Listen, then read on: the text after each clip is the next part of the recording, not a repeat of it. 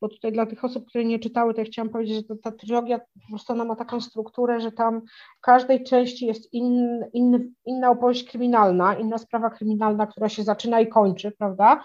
Natomiast yy, ta, te, te, wszystkie trzy części są właśnie tak jakby połączone, spojone tym wątkiem y, obyczajowym, który właśnie przez te, przez te trzy części się tam prawda, toczy.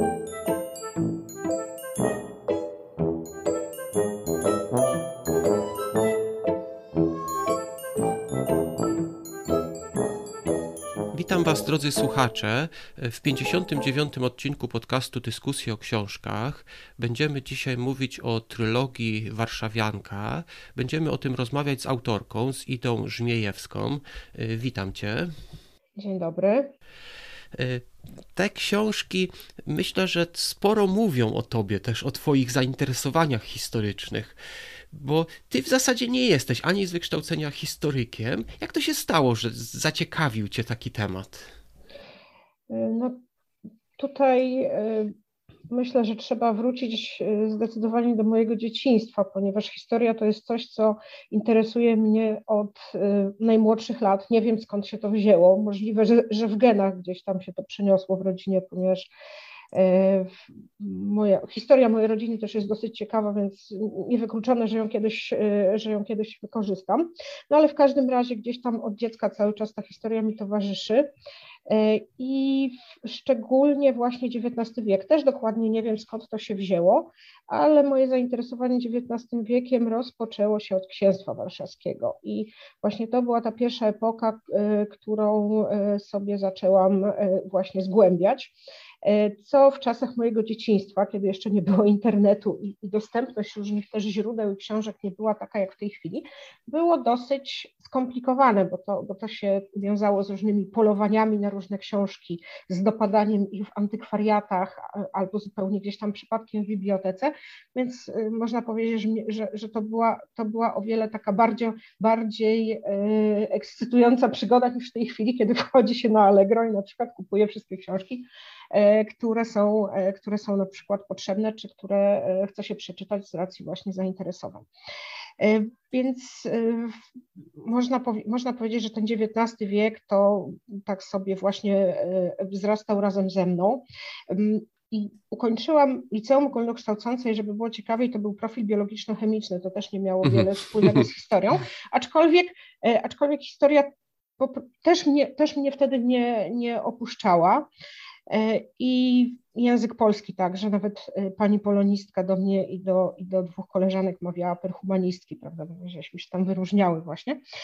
E, I nawet myślałam o tym, żeby studiować historię, ponieważ ja ukończyłam studia pedagogiczne, ale był taki moment, kiedy, kiedy zaczęłam właśnie drugi kierunek. Przez, ja przez rok studiowałam historię, tylko później różne takie życiowe zawirowania sprawiły, że tej historii nie ukończyłam, więc pewne informacje na temat na przykład badań historycznych, na temat tego, e, jak wyszukiwać mhm. pewne informacje, jak robić bibliografię, e, gdzie szukać, e, jak pracować ze źródłami. Ja się tego zdążyłam nauczyć na, przez ten rok, więc to mi się do tej pory bardzo, bardzo przydaje. Więc można powiedzieć, że ta, ta wiedza historyczna jest właśnie nabyta taką metodą nauki, nauki indywidualnej, chociaż trudno to nazwać nauką, raczej e, rzeczy takie, które, które człowieka interesują, to raczej samemu wchodzą do głowy, więc e, tak jakby ta, mhm. ta, ta wiedza z roku na rok stawała się coraz większa i ja w pewnym momencie poczułam, że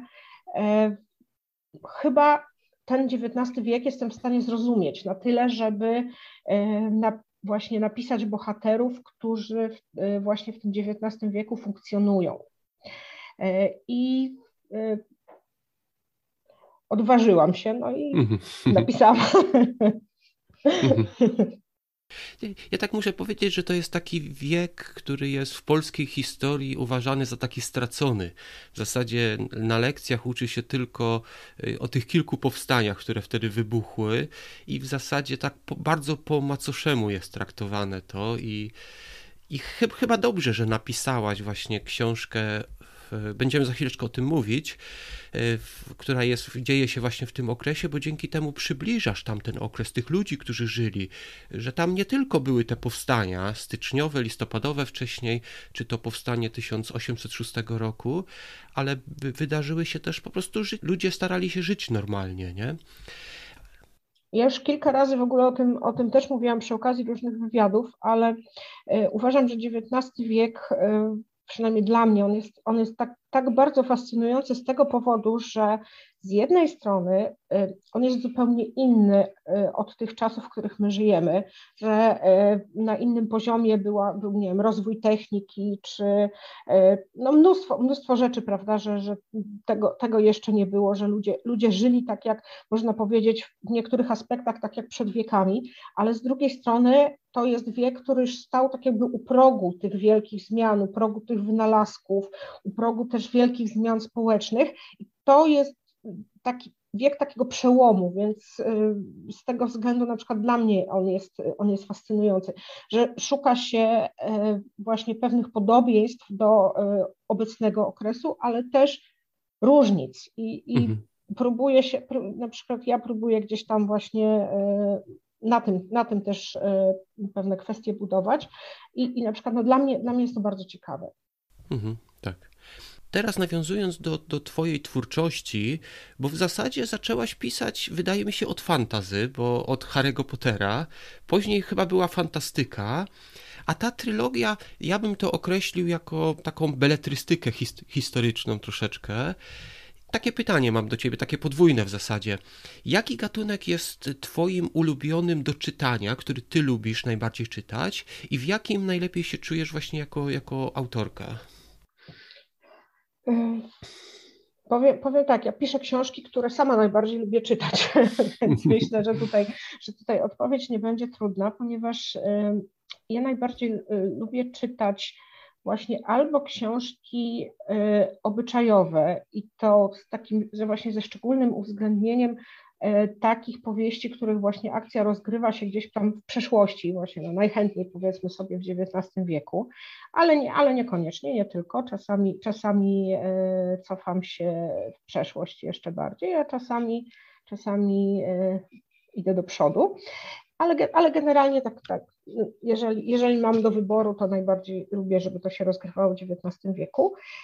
I z drugiej strony bardzo też lubię czytać e, powieści kryminalne, ale takie powieści właśnie, w których jest bardzo, bardzo rozbudowane też tło takie społeczno-psychologiczne. Mhm. Ponieważ e, oprócz w ogóle samego śledztwa, znaczy, ja nie jestem typem czytelnika, który po prostu z wypiekami na twarzy tylko podąża za tym śledczym i Boże, kto zabił, kto zabił, szybciej, szybciej. tylko po prostu lubię sobie tak przy okazji e, właśnie jeszcze, jeszcze poznać, e, poznać cały ten anturaż dookoła, to co się dzieje, to w jaki sposób e, właśnie bohaterowie żyją, co tam jest dla nich ważne. Czyli takie powiedzmy sobie mocno, mocno rozbudowane, mocno rozbudowane tło społeczne. E, bo, bo generalnie e, być może nie wiem, wiąże się to z moim wykształceniem, z moją pracą, ponieważ e, ja pracuję jako doradczyni zawodowa, więc bardzo dużo pracuję z ludźmi i, i, można powiedzieć, że oprócz historii to takim drugim moim wielkim hobby to są ludzie i mhm. Lubię, lubię czytać o ludziach po prostu, lubię czytać o ludziach, o, o właśnie o tym, jak oni się zachowują, właśnie jak sobie myślą, co u nich tam z czego wynika, więc, więc jeżeli, jeżeli miałabym podsumować, no właśnie takie, takie książki, które są obyczajowe i kryminały, które mają e, właśnie e, też dużą warstwę obyczajową. Lubię e, wątki romantyczne, aczkolwiek nie lubię takich typowych romansów, bo, bo, bo one są, znaczy one są dla mnie za proste, to znaczy nie, nie lubię jak tam spojrzała na niego, on spojrzał na niego i na nią i, i, i zaraz tam jest, tam jest wszystko jasne. E, e, i, i nie w pierwszej scenie zaraz, że tak powiem, lądują w łóżku, to, to nie, no jest to dla mnie, dla mnie to jest za proste po prostu. Lubię, lubię się, lubię się nad, trochę właśnie pomartwić o tych bohaterów jeszcze po drodze. Mhm. Tak, tak, żeby walczyli trochę o tą miłość. Tak, żeby walczyli, żeby coś, żeby to po prostu, żeby to nie był, y, nie był taki, taki romans na, na zasadzie tego, że właśnie, nie wiem, ona jest y, wspaniała, on jest wspaniały, tylko wszyscy źli ludzie dookoła po prostu są podli i im nie dają, ale żeby po prostu też pewne jakieś tam przeszkody właśnie wynikały, wynikały z nich samych po prostu, z ich decyzji, z ich postaw. Podobno to właśnie odróżnia y, typowy romans od powieści właśnie obyczajowej, że, że w romansie to, to wszyscy właśnie z zewnątrz tylko czyhają, natomiast w powieści mhm. obyczajowej jeszcze jakieś tam w środku właśnie ludzie mają, mają swoje problemy i, i to im też przeszkadza. E, no i jeżeli chodzi o pisanie, to że to lubię pisać książki takie same, to znaczy ja się śmieję, że kiedyś ja Warszawiankę napisałam, ponieważ yy, chciałam, przy, chciałam przeczytać taką książkę i nie mogłam znaleźć, więc stwierdziłam, że sama sobie napiszę po prostu i, i, mhm. i tak, i tak można powiedzieć, czy to jest jeden z powodów, dla którego się na, narodziła Warszawianka, ponieważ ja przy pisaniu e, lubię mieć, lubię mieć frajdę z pisania po prostu, natomiast pisanie rzeczy, które mnie nie interesują w żaden tam sposób, e, to żadnej frajdy mi nie daje, więc więc y, można powiedzieć, to samo lubię pisać, y, co lubię czytać, więc, więc mhm. tutaj mhm. jakichś różnic nie będzie. Natomiast to, co y, jeszcze chciałabym tutaj nawiązać do tej fantastyki, o której wspomniałeś, bo rzeczywiście, mhm. rzeczywiście ja takie czynne pisanie, ponieważ no wiele lat się oczywiście nosiłam z myślą o tym, że ja bym tam chciała pisać, ale tak jakby na, na, tym, na tym chceniu się to bardzo długo kończyło, ale w pewnym momencie właśnie, e, właśnie te fanfiki poterowskie stały się dla mnie takim, takim bodźcem, dzięki któremu ja w ogóle zaczęłam. Wzięłam w końcu po prostu, jak, jak znaczy, po pierwsze, ja bardzo lubię tą książkę i uważam, że po prostu tam jest mnóstwo takich e, historii, które są nie do końca opowiedziane, jest mnóstwo takich dziur e, mhm. log, e, logicznych czasami też i, i, i, świetnie można się tam wpasować w ogóle w tą, w tą historię. No ale jak się przekonałam, że, że właśnie e, fanfiki do Harry'ego Pottera nie piszą tylko młodzi ludzie, ale też mnóstwo na przykład osób dorosłych, więc wiedziałam, jak oni potrafią, to ja chyba też. No i, i tak się zaczęło. I można powiedzieć, że na tych fanfikach się bardzo, bardzo dużo nauczyłam w ogóle, jeżeli chodzi o pisanie, o warsztat, o podejście do pisania, po prostu no to, to można powiedzieć, że to była świetna szkoła. A później ta fantastyka właściwie, bo to, bo to też było, fan, znaczy fantazy cały czas, bo, bo ja się cały mhm. czas obracałam, tak, to znaczy tak. później, później to, co ja pisałam, to było takie bardziej, to było takie urban fantasy ale to, ta, ta fantastyka poszła tak jakby z rozpędu za tym Potterem. Natomiast to nie jest, to nie jest coś, co ja bym chciała, e, ja chciała pisać, ponieważ ja uważam, że do fantastyki potrzebny jest zupełnie inny typ wyobraźni niż ten, który ja mam. Mhm. Ja mam taką wyobraźnię, która jest mocno osadzona w rzeczywistości. Ja sobie mogę na podstawie rzeczywistości różne rzeczy wyobrażać i, i planować, natomiast nie mam takiej umiejętności kreacji y, nowych światów na przykład co w fantastyce jest, y, jest no moim zdaniem jest bardzo ważne, żeby potrafić mhm. wykreować taki własny świat, który ma włas, kieruje się własnymi regułami, ma własnych mieszkańców i opowiedzieć o nich jakąś historię. Ja jak wchodzę do gotowego świata, prawda, no to wtedy mogę kreować najróżniejsze historie, ale takie wytworzenie własnego takiego od podstaw, no to y, raczej, y, raczej nie wchodzi w grę, bo ja tutaj tak jakby znam swoje możliwości, wiem, że nie jestem w stanie tego wymyślić. Więc mhm. wolę, wolę y, trzymać się tego, co, czy, co tak jakby jest y, dla mnie prostsze. Mhm. Tak. Ja, ja uważam, że e, ta trylogia, ja nie, nie znam Twoich wcześniejszych książek, ale trylogia jest naprawdę bardzo dobra, zarówno pod względem treści, jak i warsztatowo, na ile ja to umiem ocenić. Nie, nie jestem jakimś tam znawcą specjalnym, po prostu jestem tym. I może dla słuchaczy chciałbym jeszcze wyjaśnić, dużo moich pytań będzie związanych z historią. E, ja będę pytał Cię o tło tej, tej książki i tak dalej, ale chciałbym wyjaśnić może, że że tak jak ty też mówiłaś, że tu wątek kryminalny i miłosny jest chyba głównym. To tło to jest po prostu tło.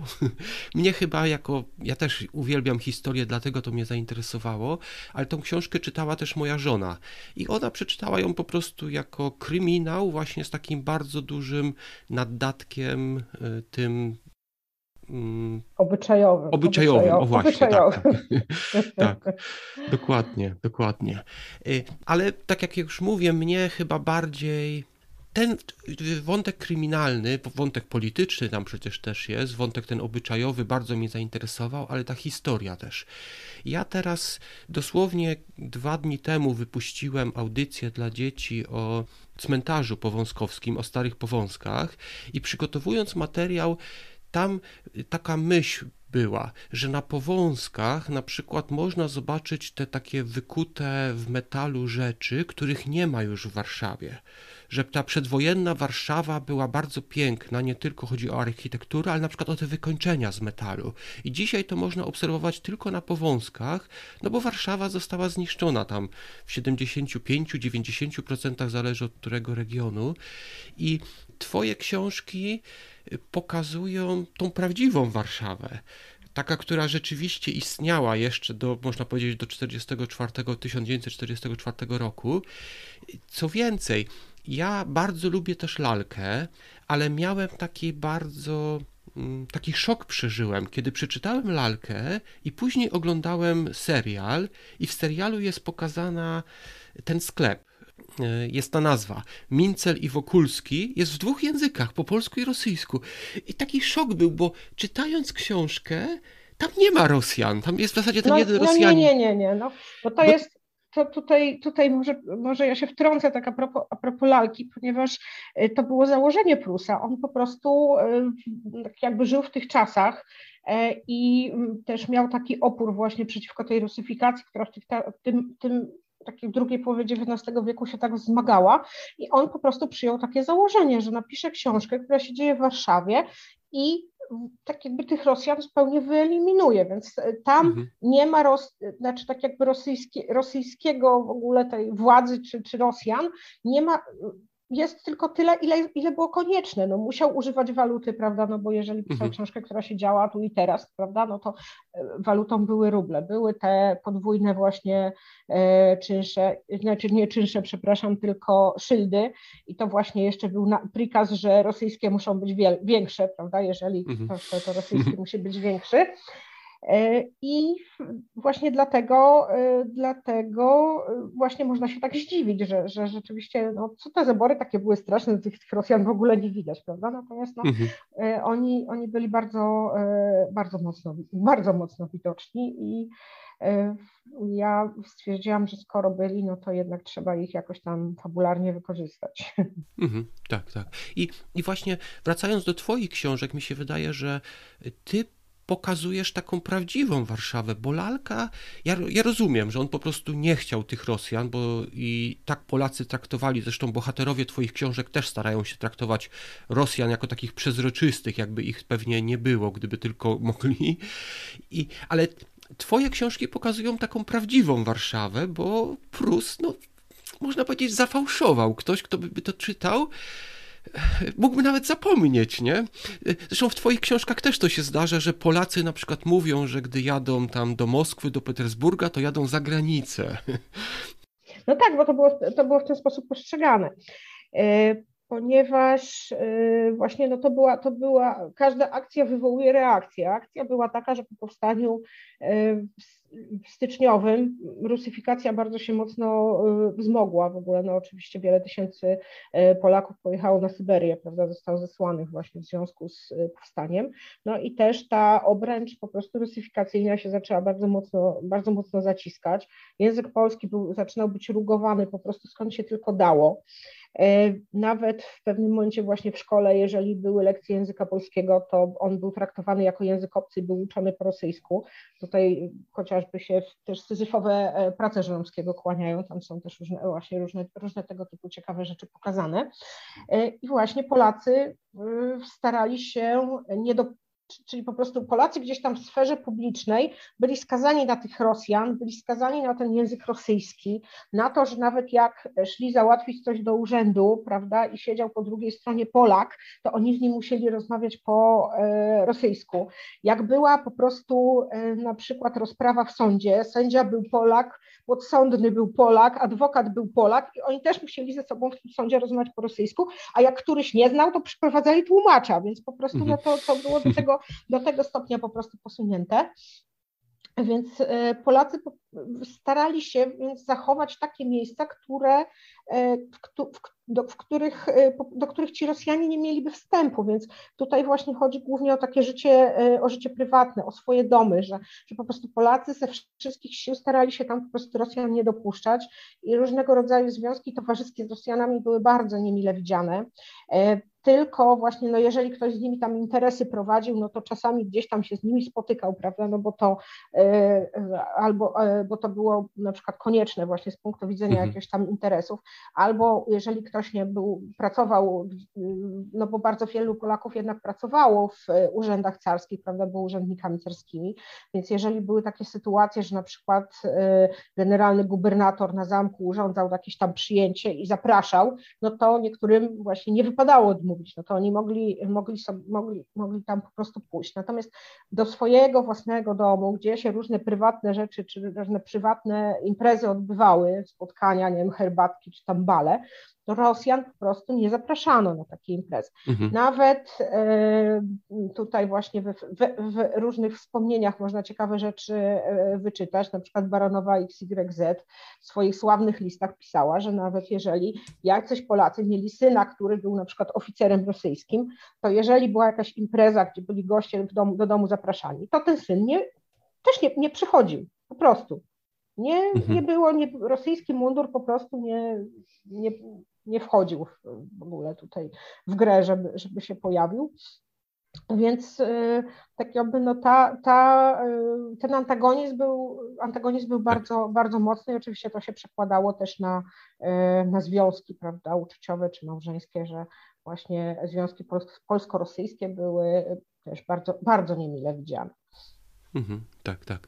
I w zasadzie właśnie idąc dalej w tym kierunku, bo lalka jest to, to też jest książka w zasadzie o mezaliansie, ale tam mezaliansie, jeżeli chodzi o klasy, a twoja, twoja trylogia jest właśnie o takim mezaliansie, który był niedopuszczalny. Nawet ten klasowy, można było tam przymknąć na niego oko, a ten w zasadzie to było coś, coś niewybaczalnego, to było traktowane jako zdrada narodowa. I dla tych może, którzy nie znają, nie będziemy może zdradzać dokładnie treści książki, ale mamy Polkę, Leontynę Rapacką, y, która z powodu pewnych spraw kryminalnych y, na jej drodze staje radca tytularny Rosjanin Aleksander Woronin. I, i to jest w zasadzie. Hmm, Coś, co Począ- to, jest właśnie, to jest w zasadzie początek, tak? Znaczy ja bym tutaj, to, to, nie będzie spoiler, ponieważ to jest nawet napisane na okładce, że ta, tą okazją do ich spotkania to jest właśnie śmierć ojca tej dziewczyny, ponieważ mhm. właśnie ojciec był bardzo szanowanym adwokatem w, warszawskim, bardzo skutecznym, w ogóle bardzo wziętym, co się też wiązało z dużymi właśnie profitami e, finansowymi, zarabiał bardzo dużo, mógł sobie na wiele pozwolić. No i e, był też właśnie szanowanym, prawda, ojcem rodziny, no bo, bo miał małżonkę, troje dzieci. No i w pewnym momencie wybucha skandal, ponieważ się okazuje, że ten ojciec e, zostaje znaleziony martwy w domu uciech po prostu, więc, mhm. więc no to tu jest straszne po pierwsze, że w ogóle się dał zabić w domu uciech, prawda, do, do czego to podobne I, i, że w ogóle, i że w ogóle tam chadzał, no bo oczywiście mężczyźni w tamtych czasach tam chadzali nagminnie, ale no to tak jakby nikt się tym nie chwalił głośno, prawda, no więc on, on popełnił ten błąd, że się tam dał zabić, więc po prostu był skandal, był, e, skandal był z tego powodu okropny. No a właśnie e, Woronin był, był policjantem policji śledczej i tak się złożyło akurat zupełnym przypadkiem, że, że e, on, on tam był w momencie, kiedy to, kiedy to morderstwo zostało popełnione. E, no i tak jakby siłą rzeczy poszło dalej to, że on, że on prowadził śledztwo w tej sprawie. No i to śledztwo wiązało się z tym, że spotkał się z rodziną, prawda? No i jak się spotkał z rodziną, to mu panna wpadła w oko. No i to tak jakby jest początek, początek całej, e, całej historii. No i rzeczywiście można powiedzieć, że to e, z punktu widzenia tak jakby też obydwu stron to, to, to rzeczywiście był mezalians, ponieważ po pierwsze jak właśnie patrzyli Polacy, y, no to, prawda, tu jest Polka z porządnej rodziny, prawda, a tu jest Rosjanin, więc w ogóle, no to jest, i to jeszcze policjant, no mhm. bo jeszcze pół, jeszcze pół biedy może jak on by był, jak, jak on by nie był tym policjantem, nie wiem, jakiś tam, nie wiem, nauczycielem by był, powiedzmy, to może jeszcze, to może jeszcze to by było pół biedy, ale w ogóle policjant, a już nie daj Boże żandarm, wojskowy też nie za bardzo, no to, to, tutaj, to tutaj już, już w ogóle, w ogóle rodzina, rodzina nie dopuszczała takiej myśli.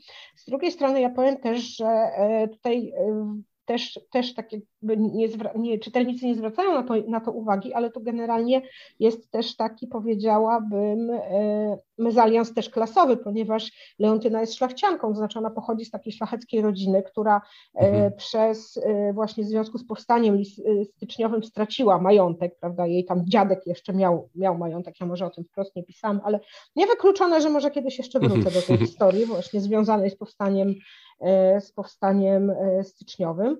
E, więc to po prostu była taka właśnie rodzina, rodzina szlachecka, która się przekształciła w inteligencję, no ale jednak, jednak była to szlachta. Natomiast Aleksander nie był szlachcicem po prostu. To znaczy, tak, tak, syn kupca. Tak, syn, on był synem kupca. No, oczywiście w pewnym momencie, jak on awansował w tej drabinie urzędniczej, no to się tam, można powiedzieć, dochrapał szlachectwa osobistego, ale tak jakby w punkcie wyjścia, bo, bo, to, bo to się wiązało z, właśnie z awansem w, w tych strukturach carskich, carskich, carskich urzędów, że, że w pewnym momencie się dostawało, tak jakby z automatu, prawda, doszedł do pewnego poziomu i, mhm. i dostawał, ale to nie było szlachectwo dziedziczne, tylko to było, było szlachectwo osobiste. E, no ale, ale tak jakby w punkcie wyjścia on, on w ogóle szlachcicem nie był, więc, więc jeżeli tak jakby e, rodzina się, nie, rodzina się głównie przyczepiła do tego, że on jest Rosjaninem, ale jak on by nie był Rosjaninem, to by się przyczepili do tego, że jest szlachcicem na przykład. Więc mhm. tutaj, więc tutaj ten, ten mezalians jest podwójny. Natomiast z drugiej strony Rosjanie e, też nie byli tym, tak jakby nie byli tym zachwyceni, ponieważ ponieważ e, właśnie ich zdaniem, tak jak tutaj też jeden z znajomych Aleksandra w pierwszej części wypowiada się, że po prostu każdy Polak jest podejrzany, po prostu każdy Polak coś ma za uszami. I po mhm. prostu jak się dobrze pokopie, to się u każdego coś pokopie, co, naj, co najmniej jakąś nieprawomyślność, więc, więc yy, po, po, prostu Polak z definicji był, był, był dla Rosjanina dla rosyjskiego urzędnika podejrzany, prawda? No i e, mhm. w momencie, kiedy, kiedy właśnie taki Rosjanin żenił się z Polką, no to on też tak jakby trochę już wchodził na cenzurowane i e, przełożeni nie byli pewni, czy tam już do końca można mu ufać. Był nawet taki termin w ogóle bardzo ciekawy, który się nazywał opolaczenie, czyli że jak e, widzieli, że Rosjanie za bardzo tutaj się angażuje właśnie w polskie sprawy, no to, to stwierdzali, że już się za bardzo właśnie opolaczył, za bardzo dla Polaków tutaj jest załóżmy miły, prawda, i za, za, za bardzo się w to wszystko angażuje, więc w takim przypadku zaraz go wysyłali na przykład y, w, w głąb imperium, żeby on się tam mhm. naprostował, prawda, na przykład na, na właściwą drogę i żeby, żeby się tutaj właśnie z, y, y, tak jakby jeszcze nie daj Boże do tych Polaków nie przyłączył.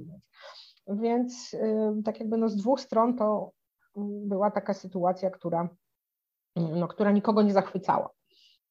Tak, tak. No bo w zasadzie tutaj obie strony mm, zastanawiają się właśnie nad konsekwencjami ewentualnych zbliżenia, ewentualnego małżeństwa, to, że zostaliby wyrzuceni niejako z towarzystwa i czy tak, tak jak w jego wypadku, gdyby on ożenił się z Polką, to prawdopodobnie zatrzymałoby to bieg jego kariery, czy na przykład zostałby, tak jak mówisz, przetransportowany gdzieś. Ale y, ja chciałem Cię zapytać o coś jeszcze, bo mówisz, że lubisz XIX wiek, ale tak bardzo realistycznie opisałaś sytuację kobiet w tamtych czasach. No kobiety w zasadzie, nawet takie jak Leontyna Rapacka, to były w pewnych momentach ubezwłasnowolnione. Decydowano za nie, na przykład w kwestii małżeństwa, y, w kwestii na przykład tego w ogóle, czy ona może wyjść z domu. To było coś w rodzaju aresztu domowego. I takie pytanie mam, do, takie osobiste do ciebie. Czy chciałabyś żyć w tamtych czasach jako kobieta? E, absolutnie nie. To znaczy, chyba żebym była bogatą wdową, to jeszcze może bym się ewentualnie zastanowiła nad tym, ale e, po prostu, jeżeli miałabym taki charakter, jak mam, no to raczej, e, raczej, raczej bym się w tym XIX wieku nie widziała po prostu. Znaczy, to, że ja lubię XIX wiek, to w ogóle nie świadczy o tym, że ja nie dostrzegam jego minusów, prawda? To znaczy, dostrzegam w nim pewne plusy, ale, ale też y, te plusy mi nie przesłaniają minusów, prawda? No i, i rzeczywiście sytuacja kobiet to tutaj y, jest, jest tą, tą rzeczą, która, która mnie też najbar, najbardziej, najbardziej boli, najbardziej denerwuje nieraz, jak właśnie jak, piszę, że po prostu kobieta y, tutaj jeszcze po prostu kobieta była uznawana za trwale nieletnią po prostu, tak jak to, jak to określano. I mhm. ona, ona miała takie same prawo jak dziecko, czyli żadnych po prostu. I to się oczywiście, to było oczywiście jeszcze cały czas pokłosie e, wprowadzenia w Księstwie Warszawskim kodeksu Napoleona, bo ten kodeks Napoleona jeszcze wtedy właśnie też cały XIX wiek obowiązywał, a kodeks Napoleona właśnie porządkowywał y, kobietę y, ojcu, mężowi, tak żeby ona tam nie miała nic, nie miała nic do gadania. No a druga sprawa, no to jeszcze są, jeszcze są te kwestie obyczajowe, prawda, no, że, że ona musiała być, y, tak powiem, porządna kobieta, już zwłaszcza panienka, musiała być poza wszelkimi podejrzeniami, że zrobiła coś e, niemoralnego po prostu, musiała być mhm. moralna, czysta jak łza po prostu i z tym się właśnie wiązało to, że, że na przykład no, te dziewczyny były non stop tam powiedzmy sobie inwigilowane, prawda, pilnowane, znaczy, ja, ja, cały czas mówię, że to, to dotyczy kobiet z takiej sfery, powiedzmy, z takich dobrych rodzin, no bo wiadomo, że, że te dziewczęta, które, e, które były, z, nie wiem, no, jak to się mówi, z ludu, prawda, one, one e, tak jakby funkcjonowały według innych zasad, no bo one pracowały, chociażby przecież służące, prawda, się, się z tamtych sfer wywodziły.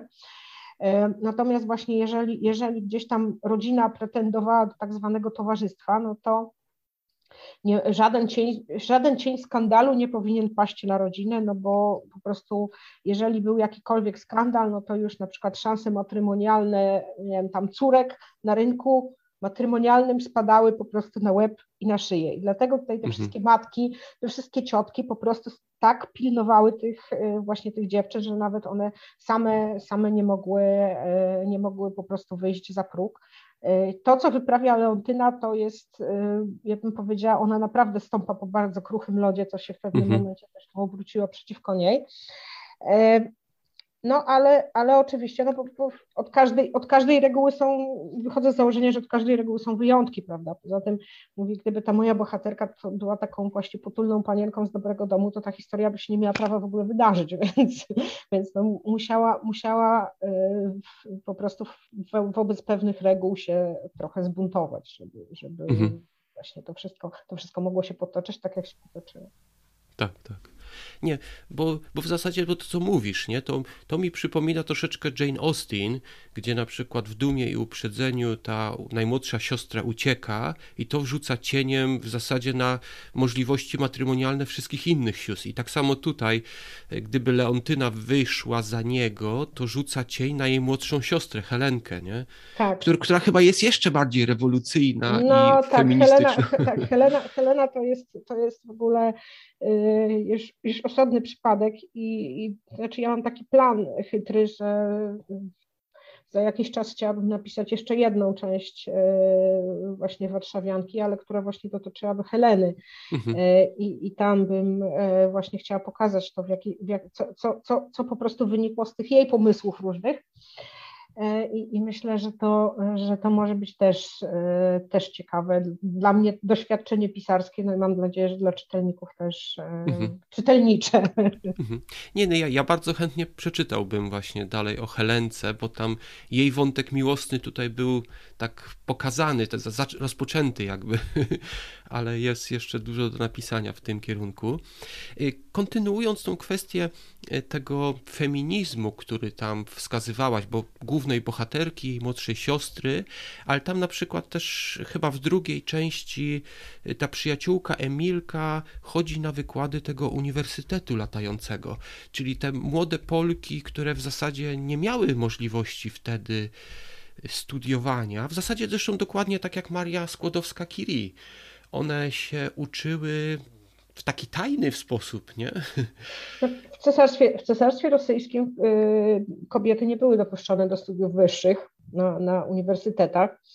Y, w związku z tym, y, mm, jeżeli chciały się kształcić, a w pewnym momencie naprawdę tych dziewcząt było, zrobiło się sporo, tych właśnie, które, które, którym się przestało podobać to, co jest i po prostu chciały się uczyć, więc y, one albo były zmuszone do tego, żeby się, żeby się kształcić właśnie w taki sposób nieoficjalny, powiedzmy, nawet tajny, ponieważ Uniwersytet Latający, on był dlatego latający, się nazywał, że po prostu zmieniał siedzibę y, bardzo często właśnie z tego względu, żeby, żeby nie został przez władzę y, namierzony za szybko. Albo w, y, musiały wyjeżdżać za granicę. To znaczy, oczywiście w pewnym momencie, tam już powiedzmy sobie w latach 80., w Rosji e, zaczęły funkcjonować takie wyższe kursy, które były trochę na prawach wyższego, wyższego da, dawały coś takiego ala powiedzmy wyższe wykształcenie, ale no to, nie, to jeszcze to nie były, to nie, chociażby takie kurs, kursy bestużewskie, ale, one, ale to nie było jeszcze takie pełne wyższe wykształcenie, więc jeżeli one się chciały rzeczywiście kształcić, no to musiały jechać za granicę, czyli bardzo wiele z nich jechało albo do Szwajcarii, albo jechało do Francji, czasami na, mhm. na niemieckie uniwersytety. Czytałam chyba jakiś czas temu właśnie, e, a już nie pamiętam dokładnie gdzie, że, że właśnie e, pod koniec XIX e, wieku w Szwajcarii największ, największa liczba studentek cudzoziemek to były Polki właśnie, to były, to mhm. były po prostu dziewczyny, które przyjechały z, właśnie z cesarstwa, z cesarstwa rosyjskiego, żeby się kształcić. No później jeszcze bywało różnie oczywiście też z nostryfikacją tych dyplomów, prawda, bo nie wszystkie były uznawane. Na przykład y, właśnie szwajcarskie dyplomy e, medyczne nie były honorowane, trzeba było po prostu, nawet, nawet był problem, właśnie był straszny problem z nostryfikacją. Tutaj też się kłania historia pierwszej e, warszawskiej pani doktor e, Anny Dobrskiej, która, która właśnie miała straszne przeboje z nostryfikacją swojego dyplomu uzyskanego właśnie w Szwajcarii. No, suma summarum jej się to udało, trochę przytarła szlaki, ale to było trudne, to nie było tak, że pojechała sobie też dziewczyna na studia, które były strasznie kosztowne i to też pozwolić sobie na nie mogły albo te, które właśnie miały z domu jakieś zasoby, albo nie wiem, zarobiły przez parę lat. Przecież właśnie tak jak e, tutaj wspomniałaś o Marii Skłodowskiej-Curie, tak. przecież ona ze swoją siostrą miała taki mhm. układ, że najpierw pojechała siostra, Dokładnie. a Maria pracowała jako guwernantka i jej wysyła pieniądze, prawda? Prawda, a później miały mhm. robić na odwrót. Tylko, że akurat Bronisława wyszła za mąż w, w Paryżu i tam jej się sytuacja bardziej unormowała, powiedzmy, więc Maria mogła pojechać wcześniej, nie? Więc, a tak to pewnie jeszcze by jej się parę, parę lat zeszło. Więc no to, to można powiedzieć, że, że tutaj e, determinacja tych, e, tych kobiet no była, była ogromna. Mhm. Tak, tak.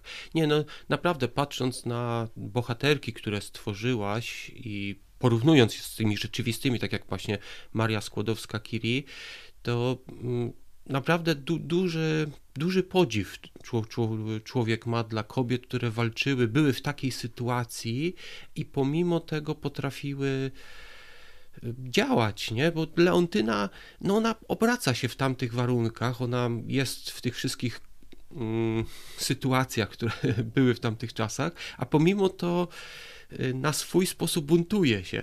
I patrząc z dzisiejszego punktu widzenia, czasami by się chciało, żeby jeszcze bardziej się zbuntowała, ale to nie tak, byłoby no, ale autentyczne. To, tak, ale to już po prostu ona też miała ograniczenia w głowie pewne, prawda, no bo mhm. od dziecka była wychowywana w pewien określony sposób. Chociaż ojciec i tak można powiedzieć, że był wielkim rewolucjonistą pedagogiki, ponieważ on przez wiele lat ją traktował, można powiedzieć, w ten sam sposób co syna, więc, więc ona sobie wbiła do głowy, że pewne rzeczy może. Później się okazało, że jednak nie może. E, z drugiej strony była matka, która jednak pilnowała, żeby, żeby właśnie pamiętała o tym, gdzie jest jej miejsce. Więc, więc no, można, można powiedzieć, że pewne, pewne granice jednak y, też jej samej się wydawały y, nieprzekraczalne, no bo w taki, w taki sposób po prostu były wszystkie dziewczęta wychowywane i to wydawało się naturalne, prawda? Więc, mhm, tak tak. No i idąc dalej do historii, bo twoje książki to pierwsza to jest rok 1885, później 87 i 94, to w zasadzie to już jest bardzo blisko niepodległości, a przecież w 1918, kiedy Polska dostała niepodległość, no to kobiety dostały prawa wyborcze.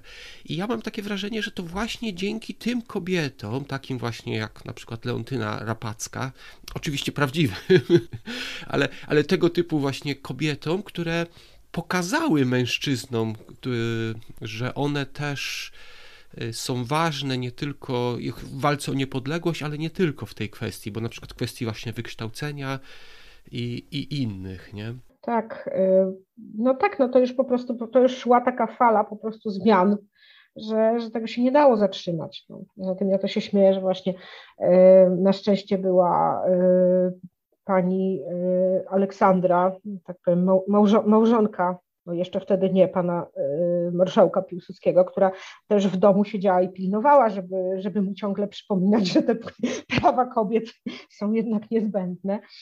E, więc no, na, szczęście, na szczęście właśnie w 1918 roku te prawa, te prawa wyborcze zostały kobietom przyznane.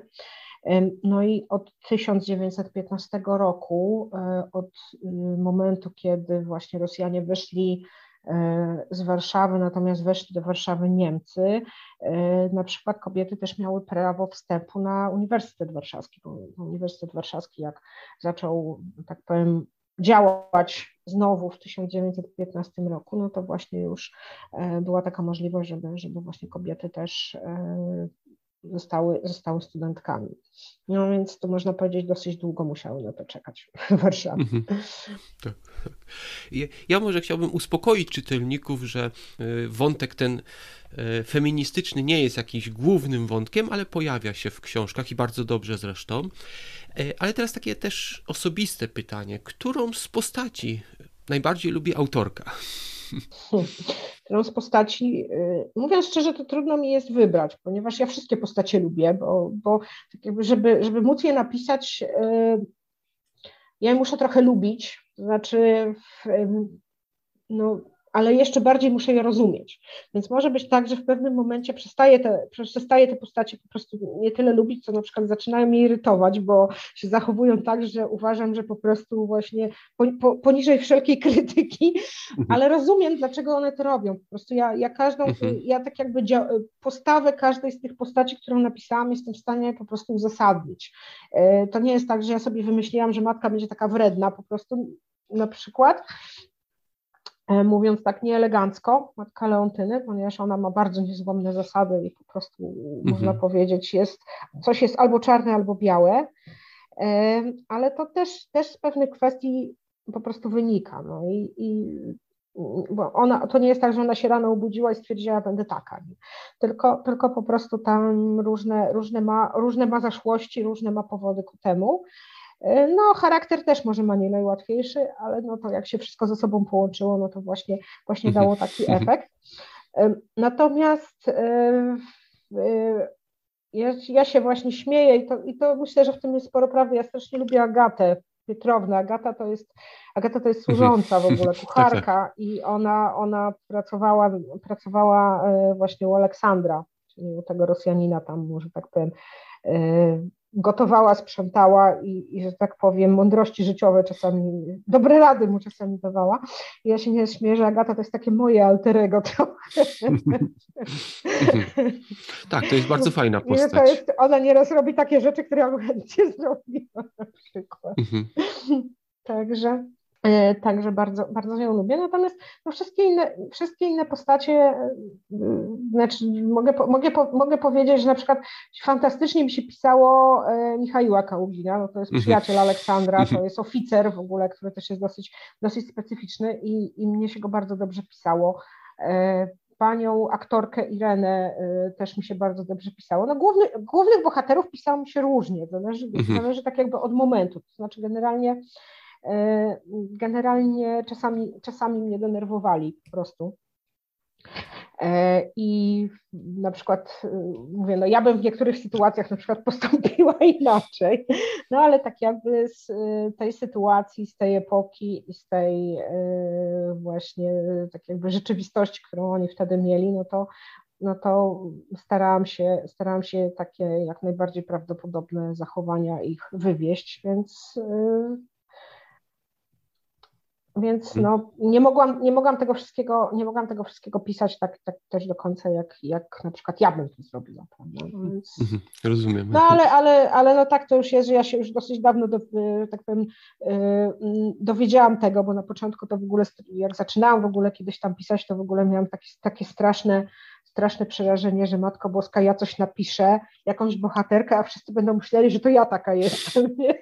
Teraz już, już tam po, po, po iluś latach y, właśnie pisania, no to, to wiem, że, że to najfajniej się pisze bohaterów na przykład, którzy są zupełnie inni niż, niż jest się samemu mhm. i że raczej, że raczej, raczej takie podejrzenia nie grożą, natomiast... Ja, ja w zasadzie miałem kolejne pytanie, ale w zasadzie chyba troszeczkę odpowiedziałaś już na nie, bo chciałem cię zapytać właśnie o to, czy takie angielskie terminy są, że czy jest plot driven, czy character driven, czyli inaczej mówiąc, czy fabuła jest ważniejsza, czy postacie, ale z tego co mówiłaś, chyba postacie. Tak, u mnie zdecydowanie jest tak, że postacie i, i właśnie zawsze, zawsze tak było, że po prostu y, ja jak zaczynam pisać y, na przykład jakąś tam nową historię, teraz właśnie, znaczy już przeszłam na szczęście w tej chwili ten etap, bo w tej chwili piszę zupełnie już nową historię, że dopóki ja nie mam takich bohaterów, którzy mi się już jakoś tam wykrystalizują, to ja się tak kręcę trochę po prostu w kółko, bo, bo y, różnych rzeczy nie wiem po prostu. Natomiast w momencie, jak ja już tych bohaterów poznam, jak ja już zobaczę, widzę, który jest do czego zdolny po prostu,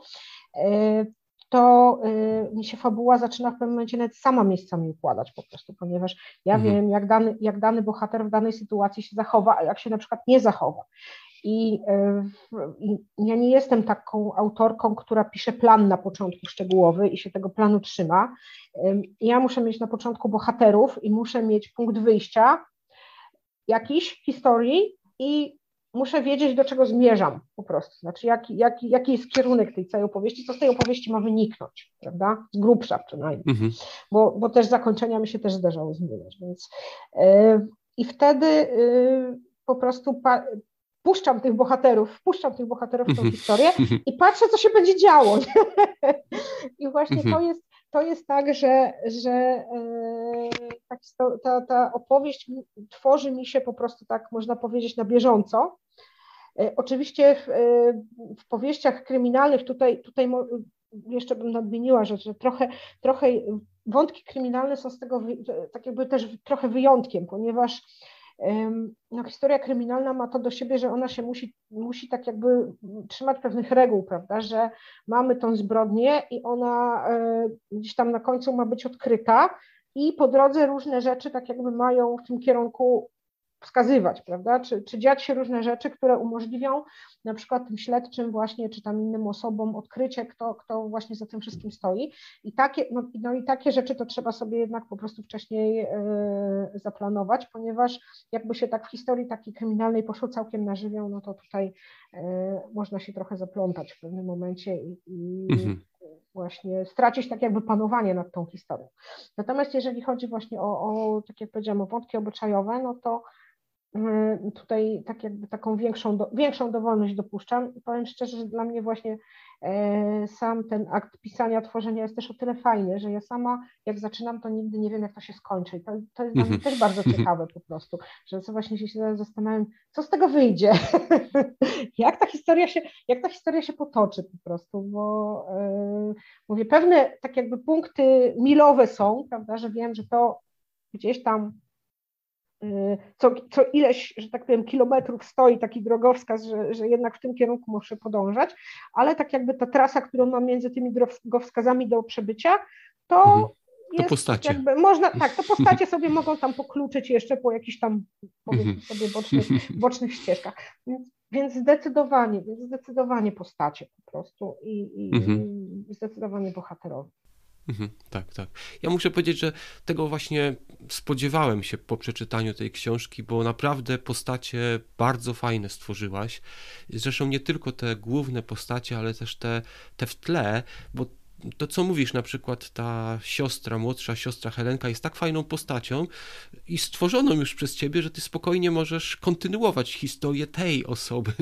No tak, kto... bo znaczy, no ja znam jej charakter i na przykład w momencie, kiedy, y, kiedy będę, będę na przykład chciała, no chcę, tak jak już powiedziałam, więc, więc ja myślę, że tą książkę o niej napiszę, więc na przykład no ja, ja już yy, nie, nie powiem, że mam całą wymyśloną, ale na przykład wiem, jak ona się, jak ona będzie po prostu jaki ona ma charakter i jak ona się będzie zachowywała po prostu i w jaki sposób y, będzie, będzie różne tam y, rzeczy na przykład rozgrywała właśnie i, i to, jest, to jest duże ułatwienie i z tego względu ja się tak śmieję, że właśnie jak się, jak się pisze ciąg, y, najgorzej mi się pisze właśnie zawsze pierwsze części, no bo tutaj mhm. trzeba, trzeba to wszystko poukładać, trzeba tych bohaterów wymyślić, a już tam drugą część czy tam trzecią to ja się śmieję, że tak pisze się jak fanfic do samej siebie mhm. trochę. więc, mhm. więc, jest, więc jest to łatwiejsze. I, i powiem szczerze, no bo, bo w tej chwili, tak jak wspomniałam, ja piszę zupełnie nową historię, która nie jest, która nie będzie opowieścią kryminalną właściwie, to znaczy to będzie powiedzmy sobie w 80% opowieść obyczajowa, aczkolwiek tam pewien, pewien, pewien wątek kryminalny gdzieś tam w tle się toczy, ale on nie jest na pierwszym planie. Więc rozpoczęcie tak jakby tej, tej pierwszej części to mi zajęło naprawdę no, sporo czasu. Po prostu sporo czasu, zanim mi się to wszystko poukładało. W tej chwili, jak mhm. już po prostu, jak już mi się poukładało, jak już napisałam ten początek, e, no to w tej chwili no już mi naprawdę niewiele do końca zostało, natomiast y, mhm. no właśnie zaczynanie jest najgorsze. Mhm. Wyobrażam sobie, wyobrażam sobie ja przesłuchałem sobie pierwszą książkę, bo ja uwielbiam audiobooki. Niestety twoja trylogia tylko pierwszy tom jest w formie audiobooka, ale tak mnie zainteresowała, że przeczytałem pozostałe dwa tomy. Pamiętam, że kiedy się skontaktowałem pierwszy raz z tobą i powiedziałem ci, że bardzo mi się podobała twoja książka, ty mnie ostrzegłaś, że że potem mogę, może, mogę zmienić zdanie. I muszę powiedzieć, że jak czytałem trylogię, moja żona też czytała ze mną, ona czytała nawet szybciej, skończyła drugi tom. Y, bo moja żona szybciej czyta i muszę powiedzieć, że ona się obraziła trochę na ciebie po to drugim, nie tylko tom, ona. To nie tylko ona. tomie. Ja przeczytałem drugi tom, zacząłem trzeci czytać i dopiero jak powiedziałem mojej żonie, co się dzieje dalej w trzecim tomie, to moja żona się odobraziła i przeczytała trzeci tom i, i była też zachwycona trylogią, nie? Nie wiem, czy miałaś dużo, bo tak ostrzegałaś mnie, czy miałaś jakieś mm, krytykę od y, czytelników? To znaczy, znaczy no generalnie ja wychodzę z założenia, że każda książka jest inna, prawda? I y, każda, y, mimo że to jest trylogia, to, to, to właśnie każda, każda jest inną opowieścią, bo, bo tutaj dla tych osób, które nie czytały, to ja chciałam powiedzieć, że ta trylogia po prostu ona ma taką strukturę, że tam y, w każdej części jest in, in, inna opowieść kryminalna, inna sprawa kryminalna, która się zaczyna i kończy, prawda?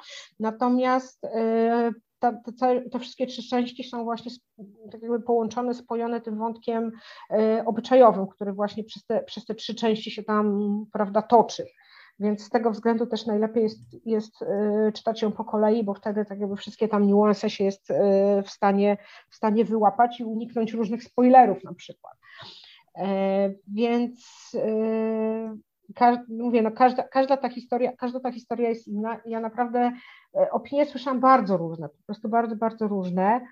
E, I po prostu dlatego, dlatego, uważ, dlatego uważam, że po prostu tak jakby całość tej trylogii można, można ocenić dopiero po tych jakby przeczytaniu całości, bo y, może być tak, że właśnie pierwsza, pierwsza część, y, czyli ta, ta warszawianka, główna, tak jakby ona jest bardzo mocno, y, ma bardzo mocno zaakcentowane na przykład wątki polityczne, bo mhm, tam oprócz tak. tego, że mamy to morderstwo właśnie ojca i tych, i tego, i tych Rosjan, którzy tam próbują, i tego Aleksandra, który tam próbuje się dowiedzieć o co chodzi, to tam jest jeszcze w tle cały wątek socjalistów, czyli wielkiego proletariatu i w ogóle procesu tych przywódców wielkiego proletariatu, który się właśnie dokładnie w tamtym czasie odgrywa, rozgrywał, e, z których później właśnie e, sześć osób skazano na śmierć, cztery wyroki zostały wykonane, więc, więc generalnie, generalnie to, to, jest, to jest takie mocne, mocne powiązanie. Właśnie dużo, dużo, dużo jest tej, tej właśnie polityki, natomiast w drugiej części polityki praktycznie nie ma wcale po prostu. Tam jest, można powiedzieć, jedna, jedna tam, tak jakby jeden mały wąteczek, który dotyczy y, gdzieś tam, jest echem zamachu na cara, powiedzmy, ale, ale tak naprawdę to już jest historia taka, która, która z polityką praktycznie nie ma nic wspólnego. I na przykład ja y, słyszałam takie głosy, że właśnie ktoś, ktoś był nastawiony na to, że w tej drugiej, drugiej części też będzie, będzie dużo polityki, prawda? A mhm. natomiast tej polityki nie było wcale, był za to teatr i balet, nie? Po prostu. Mhm. I, i cała ta historia gdzieś tam się e, kręciła wokół, e, wokół baletu. I tam też na przykład to, to morderstwo było takie, powiedzmy, pierwsze, przynajmniej ono, ono się nie działo na scenie, tak jakby. Znaczy, jak w momencie, jak wkracza, akcja się zaczyna, to to morderstwo już było, prawda? Mamy tak jakby do czynienia ze skutkami tego morderstwa. z którymi, z którymi trzeba, trzeba zrobić porządek i się dowiedzieć, kto tak naprawdę za tym wszystkim stoi. No oczywiście tam się, tam się dalej, dalej następne jeszcze ofiary trafiają, no ale, ale tak jakby można, można, można powiedzieć, tak, to, to jest, to jest y, książka, która ma trochę taką, powiedziałabym, inną strukturę. No a trzecia, trzecia część znowu też wraca do polityki, może nie w takim E, nie w takim e, stopniu jak część pierwsza, ale tam też polityka odgrywa bardzo, bardzo ważną, ważną rolę i to jeszcze polityka sprzed iluś tam 30 lat, prawda, więc mhm. Więc y, tak jak powiedziałam, no każda, z tych książek, każda z tych książek jest praktycznie inna, no i może być tak, że nie wiem, każda, każda, każda osoba ma tam jakąś swoją y, ulubioną część, a która twierdzi na przykład, że któraś, jedni mówią, że ta jest lepsza, że ta jest lepsza, czy nie, że ta jest słabsza, a tamta jest lepsza, więc, więc generalnie tutaj ile, ilu czytelników, tyle opinii, ale generalnie, generalnie ja właśnie wychodzę z takiego założenia, że dopiero jak ktoś przeczyta wszystkie trzy części, to się może, może wypowiedzieć wtedy z czystym sumieniem, czy mu się podobało, czy mu się nie podobało. Mhm, tak, tak. No szczeg szczególnie jeżeli chodzi o ten wątek, e, wątek obyczajowy, bo w zasadzie, tak jak powiedziałaś, on kończy się w na końcu trylogii, bo, bo wątki kryminalne można ocenić po każdej powieści. tak jak mówiłaś, one kończą się i, i ten. Czy jest coś złego dla autora, tak jak dla autorki, tak jak dla ciebie, gdy ktoś porównuje twoje książki? Czyli na przykład, czy nie wiem, zdarzało ci się porównanie do, do lalki, porównanie, nie wiem, do powieści Jane Austen. Y, ja tu widzę nawet takie wątki troszeczkę, które można by porównać do moralności pani Dulskiej. Tak, do Akunina. Y, to znaczy, znaczy nie, mnie to nie przeszkadza generalnie. To znaczy, jeżeli w ogóle ktoś y, moją na przykład książkę porównuję do lalki, no to dla mnie to jest ogromny komplement, ponieważ e, lalka to jest, e, można powiedzieć, w ogóle numer jeden na liście moich ukochanych książek i żeby, moja pewnie, też, moja żeby, też. Nie było, żeby nie było lalki, to pewnie nie byłoby, e, nie byłoby warszawianki. I tutaj ja jeszcze nawiążę do tego, co mówiliśmy wcześniej, bo tak jakby nie miałam, nie miałam wcześniej e, e, do tego okazji. Znaczy, ja się, ja się nie zgadzam, że Prus pokazał nieprawdziwą Warszawę. To znaczy, on pokazał wycinek pewien Warszawy, ale który mhm. jest bardzo, bardzo prawdziwy. I ja nawet jakbym, nie wiem, pękła, to nie jestem w stanie do tej prawdziwości się zbliżyć na pół kilometra po prostu, bo Prus pisał to, co widział, to, co się wokół niego działo, prawda, to on, mhm. on nie musiał siedzieć e, w tych, e, w książkach i, i na polonie e, tych gazet czytać XIX wieku, prawda, tylko on sobie wystarczy, że wyszedł na ulicę i się rozejrzał i plotek posłuchał i już mógł sobie tam, czy, albo przeczytał, przeczytał, jakie nowe zarządzenie wprowadzili i on już to wszystko wiedział, natomiast dla niego było to wszystko oczywiste, natomiast no, ja musiałam to wszystko wykopać skądś. Mhm. No i więc, więc tutaj, tutaj tak jakby wyższość Prusa dla mnie to tak, w ogóle tak. nie ma absolutnie M żadnej, ja tylko... żadnej dyskusji. Może ja tylko dodam, że Prus, Prus pojawia się w trzecim tomie twojej książki. No bez Prusa, no Warszawy bez Prusa to raczej trudno by było, e, trudno by było napisać w tym czasie. Natomiast y, no zdarzają, zdarzają się porównania, oczywiście zdarzają się porównania, znaczy do Jane Austen akurat tam się y, porównanie nie trafiło, ale zdarzają się, y, zdarzają się porównania do Akunina na przykład i powiem, że znaczy ja się z tymi porównaniami też jak najbardziej zgadzam z tego względu, że tak jakby bezpośrednim wyzwalaczem tego pomysłu dla u mnie, u mnie był Borys Akunin, ponieważ ja bardzo lubię książki Borysa Akunina, to znaczy ze szczególnym uwzględnieniem tych o Fandorinie, I właśnie e, jak czytałam tą całą serię, właśnie fandorinowską, to tylko czekałam na to, aż Akunin tego Fandorina przyśle do Warszawy, bo po prostu uważałam, że to jest tak z punktu widzenia w ogóle wtedy Cesarstwa Rosyjskiego, to jest tak ciekawe miejsce po prostu, że jak taki Rosjanin by tam przyjechał, to po prostu dla niego to w ogóle, że tak powiem, inny świat, można powiedzieć, częściowo. E, no ale tutaj pan Akunin mnie rozczarował. Y, wątków polskich było bardzo niewiele w ogóle tam. Można na palcach jednej ręki policzyć to co, to, co on tam po prostu napisał w y, całej tej serii. I ja sobie pomyślałam, że po prostu taki pomysł się nie może zmarnować, to ja sobie to napiszę. Po prostu wezmę mhm. sobie takiego Rosjanina, który przyjechał do Warszawy i zobaczymy, y, zobaczymy co z tego wyniknie po prostu. Więc, no i jako pierwszy oczywiście przyszedł mi do głowy ten nieboszczyk w domu uciech, a i że będzie właśnie będzie, będzie się zaczynało nieboszczykiem w, do, w domu uciech i będzie, i będzie wątek y, miłości polsko-rosyjskiej. To były te dwie rzeczy, które, które były tak jakby legły u podstaw y, y, warszawianki, no a reszta to później, że tak powiem, mhm. się wymyśliła. Dobrze. Ja myślę, że pomału będziemy kończyć. Wspomniałaś, że w przyszłości będziesz pisać, być może będziesz kontynuować y, tą warszawiankę, historię Helenki, czyli tej młodszej siostry. A możesz zdradzić y, troszeczkę więcej na temat tej książki, którą teraz piszesz jeszcze? Oczy, tak, oczywiście, bo ja w tej chwili piszę pierwszą część takiej można powiedzieć, sagi. To znaczy, no tyle to nie, może, może nie jest to taka aż saga rodzinna, ponieważ ona się rozgrywa na przestrzeni e, czterech lat, więc, e, więc to nie będzie pokoleniowa, prawda, tam z pokolenia na pokolenie, e, ale to jest, to jest historia, która rozgrywa się w czasie I wojny światowej. To znaczy, ona się zaczyna, można powiedzieć, że praktycznie w momencie wybuchu I wojny światowej będzie się kończyła po odzyskaniu niepodległości chwilę.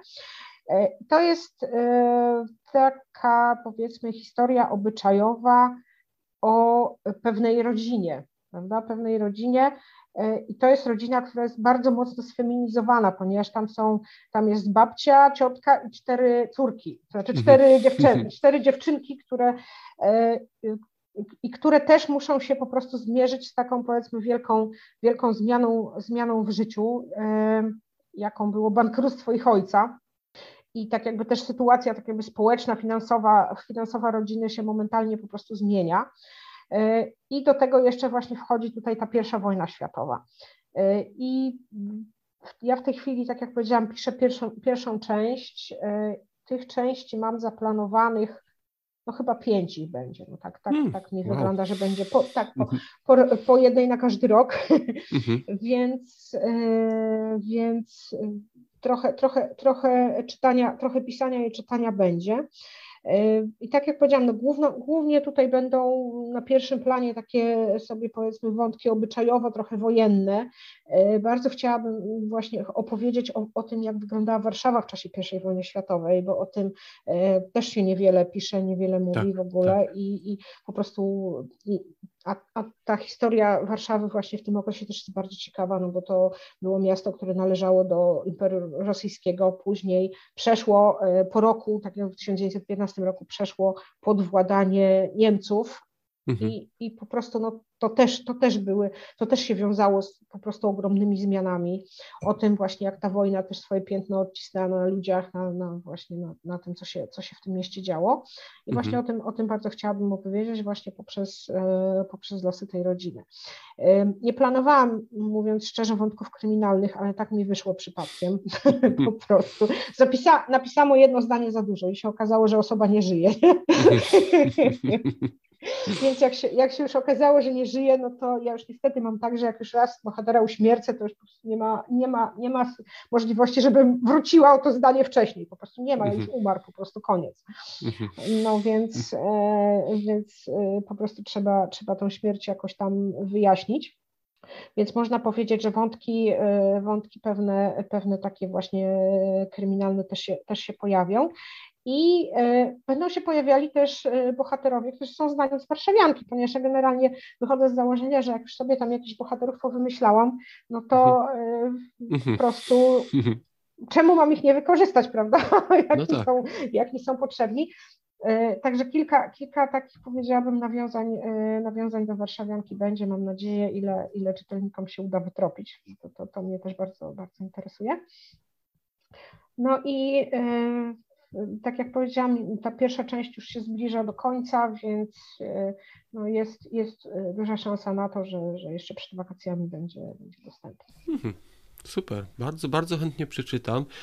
Tym bardziej, że tu ponownie sięgasz do, tak, do takiego okresu, który jest tak, jak, jak poprzednio mówiłem, po macoszemu traktowany, bo pierwsza wojna światowa to w polskiej historii to jest głównie ta niepodległość, która na końcu była, a się zapomina o wszystkich tych rzeczach, które tam się wydarzyły, strasznych i o Polakach, którzy walczyli przecież na wszystkich frontach, można powiedzieć, i o kobietach, które cierpiały. Tro, troszeczkę jest o tym w tym, w, w nocach i dniach tam jest o tym bombardowaniu, nie, tego miasta. Tak, tak, o Kaliszu tam nosi. To był ten początek właśnie yy, tutaj u, u, mnie też, u mnie też jest to wspomniane, bo to, bo to po prostu y, była sytuacja, która się właśnie ogromnym mechem odbiła w ogóle w całym królestwie i to mhm. sprawiło, że właśnie Polacy się tak straszliwie bali wejścia, wejścia Niemców po prostu, tak. bo, bo, właśnie ten, ten kalisz takim był symbolem tego, co Niemcy po prostu robią, kiedy w, po prostu zdobywają polskie miasto, więc, więc y, w 1914 roku w październiku była pod Warszawą właśnie wielka bitwa, prawda, polsko,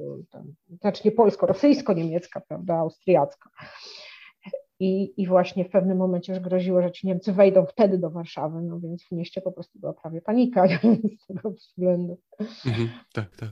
No to to jest taka zapomniana historia i bar, bardzo Ci dziękuję, że sięgasz po to i że no, że uczysz ludzi historii, można powiedzieć, swoimi książkami.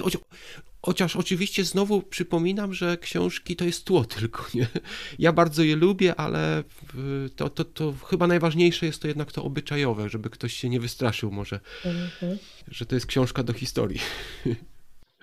Znaczy, no, ja, ja staram się e, pisać e, w ogóle to tło historyczne w taki sposób, żeby ono było w no, w miarę, żeby, żeby po prostu osoba, która tak jakby tej epoki nie zna, żeby ona się mogła tam jednak odnaleźć, ale z drugiej strony nie mogę tego pisać w taki sposób podręcznikowy po prostu, gdzie, mhm. gdzie bym wszystko wywalała kawę na ławę, z tego względu, że ja piszę te książki oczami osób, które wtedy żyły, więc dla nich to wszystko było oczywiste i ja nie mogę pisać czegoś takiego, że bohater, dla którego jedna, coś jest oczywiste, tłumaczy bohaterowi to oczywiste, co dla niego też jest oczywiste, więc, więc po prostu yy, mhm. ja liczę na to, że po prostu jeżeli czytelnik czytelnik trafi na coś takiego, czego tam do końca nie będzie rozumiał, to że sobie to gdzieś tam sprawdzi, prawda, na przykład i, i y, to nie są żadne tam informacje, które są jakieś po prostu tajne, tylko są, tylko są ogólnie, ogólnie dostępne, e, więc, więc bo, bo gdybym miała robić na przykład przypisy, to tam po prostu pewnie by było więcej przypisów niż tekstu, no. Mhm. No Jakbym miała wszystko tłumaczyć od podstaw. Prawda? Znaczy, tak jak mówisz, to nie jest książka do historii, nie? Mi, mi się bardzo podobały te wątki historyczne i na pewno w tej nowej książce też będę pewnie zwracał uwagę na nie, ale na pewno moja żona pewnie zwróci uwagę bardziej na te wątki obyczajowe. E, dobrze, słuchaj, bardzo Ci dziękuję za to, że znalazłaś czas dzisiaj, żebyśmy mogli się spotkać, żebyśmy mogli porozmawiać. Mam nadzieję, że porozmawiamy jeszcze o tej kolejnej książce, kiedy już ją napiszesz. A dzisiaj y, bardzo dziękuję Tobie za rozmowę i Wam, drodzy słuchacze, dziękuję za to, że wytrwaliście z nami do końca. Dziękuję bardzo i do usłyszenia.